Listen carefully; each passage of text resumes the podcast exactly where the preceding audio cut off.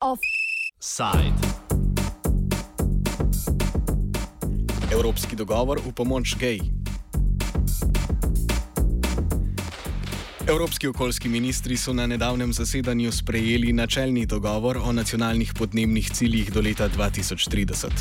Dogovor določa, za koliko odstotkov mora posamezna država zmanjšati izpuste toplogrednih plinov do leta 2030 v primerjavi z letom 1990.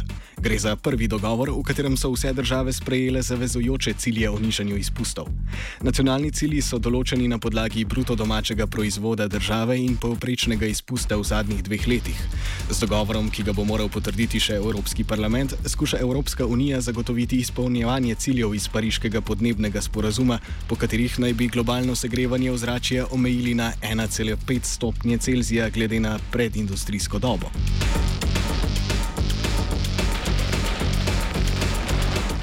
Namestnik direktorja direktorata za okolje Urož Weigl predstavi dva ukrepa sprejeta prejšnji petek na srečanju okoljskih ministrov Evropske unije. Ja, no, pomembno je to, da tokrat je bilo v teh netrgovalnih sektorjih sta bila sprejeta dva zakonodajna akta. En zakonodajni akt, ki določa doseganje teh ciljev emisij v sektorjih, netrgovalnih sektorjih, ne ETS, to so promet, široka raba energije, kar je v glavnem ogrevanje v stanovanskem sektorju, eh, kar je v glavnem ogrevanje v stanovanskem sektorju, um, kmetijstvo, odpadki pa nekatere manjši, manjši, manjši sektori. Um, Sprejet je bil pa tudi drug zakonodajni akt, ki pa prvič tudi področje rabetal, spremembe rabetal in gozdarstva vključuje v, v, v, v v podnebno energetski svežen Evropske unije. Do leta 2020 je Evropska unija namreč posegala samo, je imela namen ne, obravnavati samo emisije iz trgovalnega dela in teh netrgovalnih sektorjev, tokrat pa se upošteva poleg tega tudi še sprememba rabe tal, rabe tal in gozdarstva. Največ emisij oziroma ponorov je ravno slednjim z gozdarstvom povezanih, ker je pa Slovenija zelo gozdarska gozdnata država, pa je to tudi, tudi za, njo, za nas bil zelo pomembno, pomembno vprašanje. Weigl predstavi potek pogajanj in nadaljne potrebne ukrepe, da bo zakonodajni akt sprejet tudi v Evropskem parlamentu. Komisija je prve predloge glede tega NETS sektorja, se pravi gre za emisije v, v sektorjih izven trgovanja, emisij, izven sistema EU za trgovanje z emisijami, um, podala poleti lani in od takrat naprej so potekala usporedno usklajevanja med državami članicami in tudi obravnava v Evropskem parlamentu. Kar je bilo doseženo zdaj v petek, je dogovor na svetu Evropske unije, se pravi dogovor med državami članicami in v nadaljevanju bo potrebno ta dogovor potem še uskladiti z Evropskim parlamentom, ker morata obe instituciji eh, potem potrditi dokončni dogovor. Pričakuje se oziroma želja predsedstva, eh, estonskega predsedstva eh, Evropske unije je, da bi to dosegli še v letošnjem letu in res upamo, da bi lahko ta vsebinski dogovor sprejeli sprejel še letos, morda pa potem formalno potrdili v, v v prvih tednih ali pa mesecih naslednjega leta. Pogajanja so potekala tako, da so, da so um, v okviru rednih, uh, v okviru rednih zasedanj, um, kjer so vse države članice govorile o svojih posebnostih ali pa svojih željah ali pa o, o, o, o, o pričakovanjih iz, iz pogajanj, vse skupaj je spremljala tudi Evropska komisija. Uh, številne države so potem tudi ločeno še Evropsko komisijo um, prepričevale o, o, o argumentih za, za svoje stališča, ker je Evropska komisija vsem tudi tekom pogajanj odigrala neko pomembno vlogo, tudi nekega vrste medijatorja, ki je uh, vsakokratnemu predsedstvu tudi pomagal zbliževati uh, stališča in pričakovanja. Vse članice Evropske unije so že oktober 2014 sprejele cilj zmanjševanja izpustov do leta 2030 za najmanj 40 odstotkov glede na leto 1990. To breme se na dva različna načina porazdeli na ETS sektor, to je na področje energetike in industrije, in na ne ETS sektor, torej promet, kmetijstvo in široko rabo energije. Industrija in energetika delujeta po schemi trgovanja z emisijskimi kuponi, v okviru katerega podjetja na trgu prosto kupujejo kupone, ki jim dovoljujejo izpuste emisij. Evropska komisija pa vsako leto zmanjšuje število teh kuponov. V ostalih sektorjih pa morajo države postaviti nacionalne cilje in tako zmanjševati izpuste emisij. Tokratna pogajanja so se vrtela okoli teh sektorjev.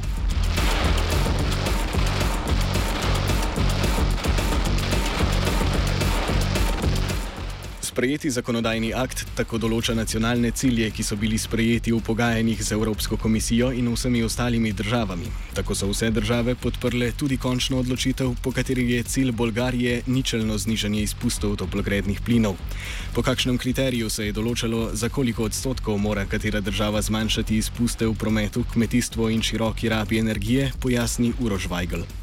Takrat so, bile, do, takrat so bile potrjene tudi usmeritve, kako naj se to porazdeli med državami članicami in skladno s tistimi usmeritvami je bilo rečeno tako, uh, najmanj razvite države članice morajo bremzati svoje emisije, ampak jih bremzajo na način, da ne dopuščajo, da te emisije rastejo.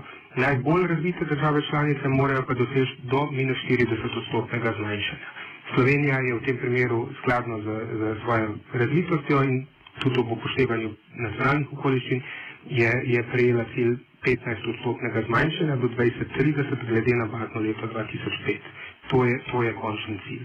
Um, pomembno je pač pri tem se zavedati, da tiste manj razvite države se od njih se pričakuje, da bo gospodarska rast večja, da bo pač skozi večjo gospodarsko aktivnost, da bo do 2030 nekako dohajali ne, to razliko in zmanjša razliko do najbolj razvitih držav.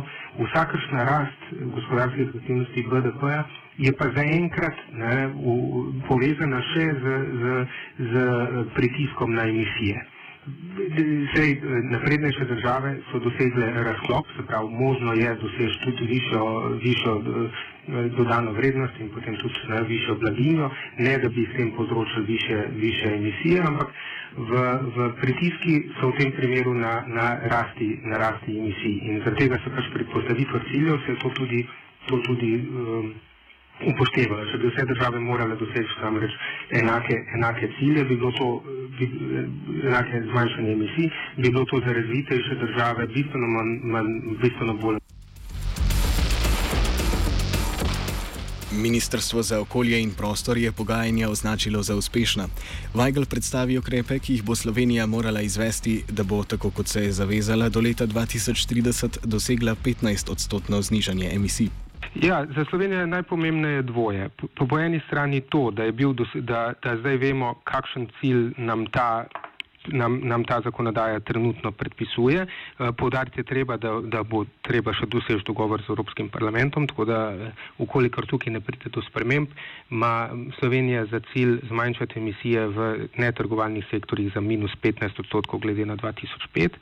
To pomeni, da je treba precej ukrepiti izvajanje eh, operativnega programa za zmanjšanje toplogrednih plinov, ki, ki ga imamo sedaj, sedaj ki, ga, ki, ki, je, ki ga imamo v veljavi do leta 2020, vendar že tudi ta vsebuje indikativne cilje za 2030. Um, potreba bo ukrepiti uh, izvajanje uh, na tem področju, zlasti je, je glede na odstotek emisij se izpostavlja področje prometa kot tisto področje, kjer, kjer je največje nadaljno zmanjšanje bo v nadaljevanju potrebno. Um, v, v široki rabi energije bo treba nadaljevati sedanjimi, sedanjimi, sedanjim trendom, tudi nekoliko ukrepiti, ampak um, tukaj imamo pozitivne premike, tukaj gre predvsem ukrepe energetske.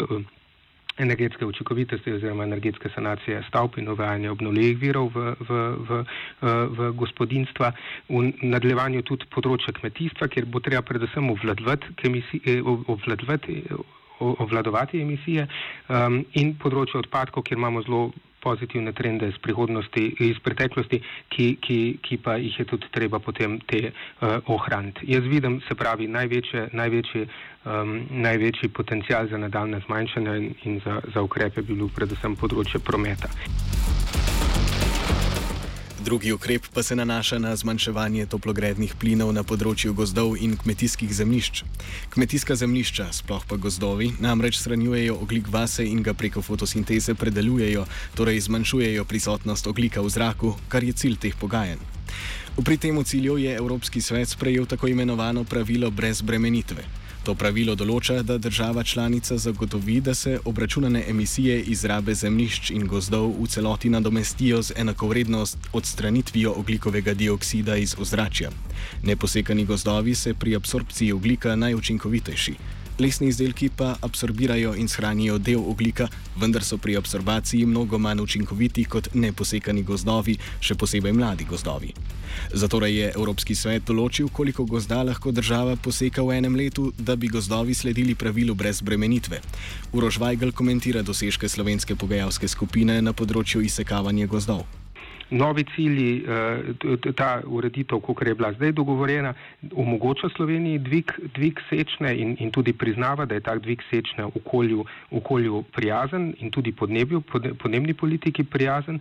Je pa zelo pomembno, da, to, da ta sečna ne bo namenjena temu, da se potem ta, ta les um, samo zgolj kuri ali pa izvaža v tujino, ampak da je smotrno, smotrno s tem lesom potem izvesti. Pro, proizvajati kakšne izdelke oziroma ohranjati čim več vsebnost oglika ne, v, v teh izdelkih čim dlje časa. Se pravi, gre za, za, za to, gre za vzpostavitev res neke celovite politike um, proizvodne lesnih proizvodov in, in promocije le teh in ustvarjanja čim više dodane vrednosti z, z, z, um, z lesom, ki je, ki je obnovljiv in, in naraven vir, katerega ima Slovenija, katerega dobre zaloge ima Slovenija. Novost dogovora je, da so v načrte zmanjševanja izpustov oglika prvič vključeni gozdovi in zemljišča, ki absorbirajo in izpuščajo oglik, torej tako imenovani LULUCERF. Urož Weigl pojasni, zakaj je vključitev tega sektorja v reševanje problema emisij tako pomembna in koristna. Kar je prvič vključeno, je tako imenovani LULUCF, ne, se pravi Land Use, Land Use Change and Forestry, eh, sprememba tal, raba tal, sprememba raba tal in gozdarstva. Ta je dejansko prvič vključen. Jaz mislim, da to je pomembno. Na, na vse zadnje tudi pariški sporazum govori o tem, da je treba v, v drugi polovici tega stoletja doseči ravnovesje med, eh, med emisijami in ponori toproglednih plinov in ravno gozdovi, poleg recimo oceanov, ne, so tista področja, so tiste neki naravna um, naravni vzvodi za zmanjšanje koncentracije CO2 -ja v, v, v zraku, ki jih bomo krvavo potrebovali, če bomo rabili, če bomo, ne, če bomo rabili, ker rabimo, eh, ko bomo hoteli dosegati eh, cilje eh, emisij, ki so ne, minus 80, minus 90, minus 95 odstotkov, glede na basna leta. Jaz mislim, da ta, to, to bo možno doseči takrat, ko bomo, ko bomo res lahko za to v ta namen izrabili vs potencial. Zdaj je bil dosežen nek dogovor glede, glede vključevanja gozdov v v doseganje teh ciljev. Um, ocena je, da je ta, ta dogovor tak, da, da spodbuja pravilno in pravo trajnostno ravnanje z gozdovi. Pomankljivosti dogovora v zvezi z upravljanjem gozdov pa predstavi Hanna Eichel, aktivistka nevladne organizacije Fern. At Fern, we uh, are not that pleased with the, the council position on LULUCF, uh, mainly because uh, what they did is they introduced a new mechanism uh, through which uh, they more or less support increasing harvesting levels and decreasing the forest uh, sink in Europe. And that is worrying to us because, uh, in the face of climate change that is now currently accelerating, is that to reach Paris Agreement uh, temperature limits of uh, well below 2 degrees and 1.5 degrees, negative emissions that forests can uh, bring are really crucial to get there. And in the big picture, we would like to see the the forest sinks in Europe uh, supported and enhanced, so increasing the sink. But now what the council has decided will support decrease in those forest sink, and that we think is not a good trend. Tako imenovano pravilo brez bremenitve namreč velja za gozdove in zemljišča skupaj. Po mnenju okoljevarstvenikov državam tako omogoča preveliko izsekavanje gozdov. Poleg tega cilj Evropske unije, da do leta 2030 zmanjša emisije toplogrednih plinov za najmanj 40 odstotkov glede na leto 1990, ni zadosten. Po podatkih organizacije Climate Action Tracker je namreč ta cilj premalo ambiciozen, da bi bil zvest zavezi o omejitvi globalnega segrevanja ozračja za največ 2 stopinji Celzija glede na predindustrijsko dobo.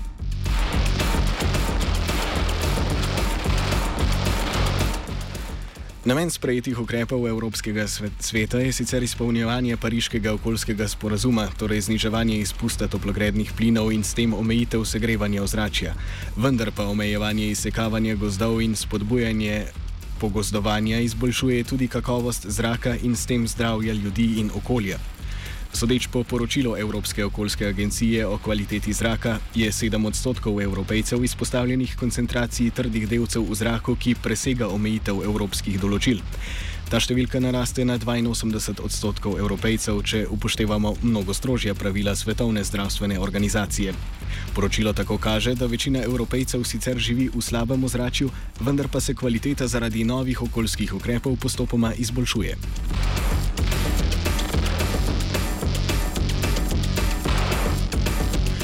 K nadaljnemu izboljšanju kakovosti zraka, torej zmanjšanju vsebnosti trdih delcev, dušikovega oksida in zemeljskega ozona, pa bi lahko prispeval tudi okrep na področju prometa enega glavnih onesnaževalcev.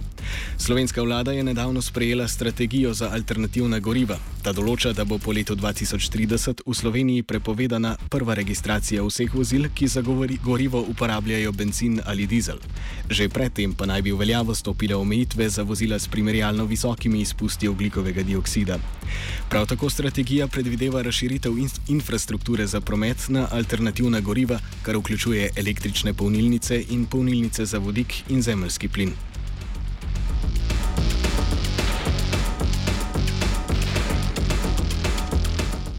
Špela Berlot iz okoljevarstvene organizacije Cipra Slovenija, ki je vladi poslala svoje predloge za izboljšanje strategije, oceni vladno strategijo in predstavi predloge Cipre smo veseli, da se seveda sprejema ta strategija o alternativnih gorivih, je primerljiva z drugimi državami in je pač ambiciozna, vendar pa problematika je predvsem opažamo nepovezljivost z ostalimi strategijami uh, povezanih s prometom, predvsem recimo premalo povdarka zopet na trajnostni mobilnosti, na spodbujanju, naprimer, dali smo predlog za um, spodbujanje nakupov električnih koles za posameznike, naj, na katere se je potem Ministrstvo za infrastrukturo odzvalo, da je dodalo v strategijo. Uh, torej, pozablja se zopet na neke take ukrepe.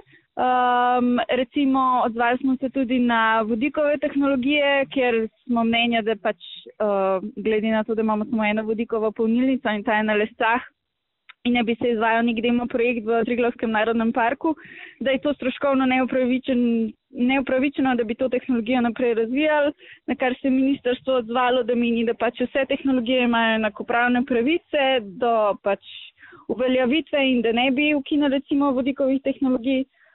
Predvsem je pa problematično to, no, ko bereš strategijo, da, da pač ne bi se povečalo število tovor, tovornega prometa od 60 do 80 odstotkov, kar v resnici ne vemo, kater, kako bomo to v naše ceste speljali oziroma katera koli infrastruktura. Uh, to recimo potem uh, vrednotenje emisijskih faktorjev. V, v, recimo v tej strategiji so opredeljeno, da bo pač se spremljale samo NOx, se pravi dušikovi oksidi, pa PM delci 2 pa pol, uh, ni pa recimo dušikov.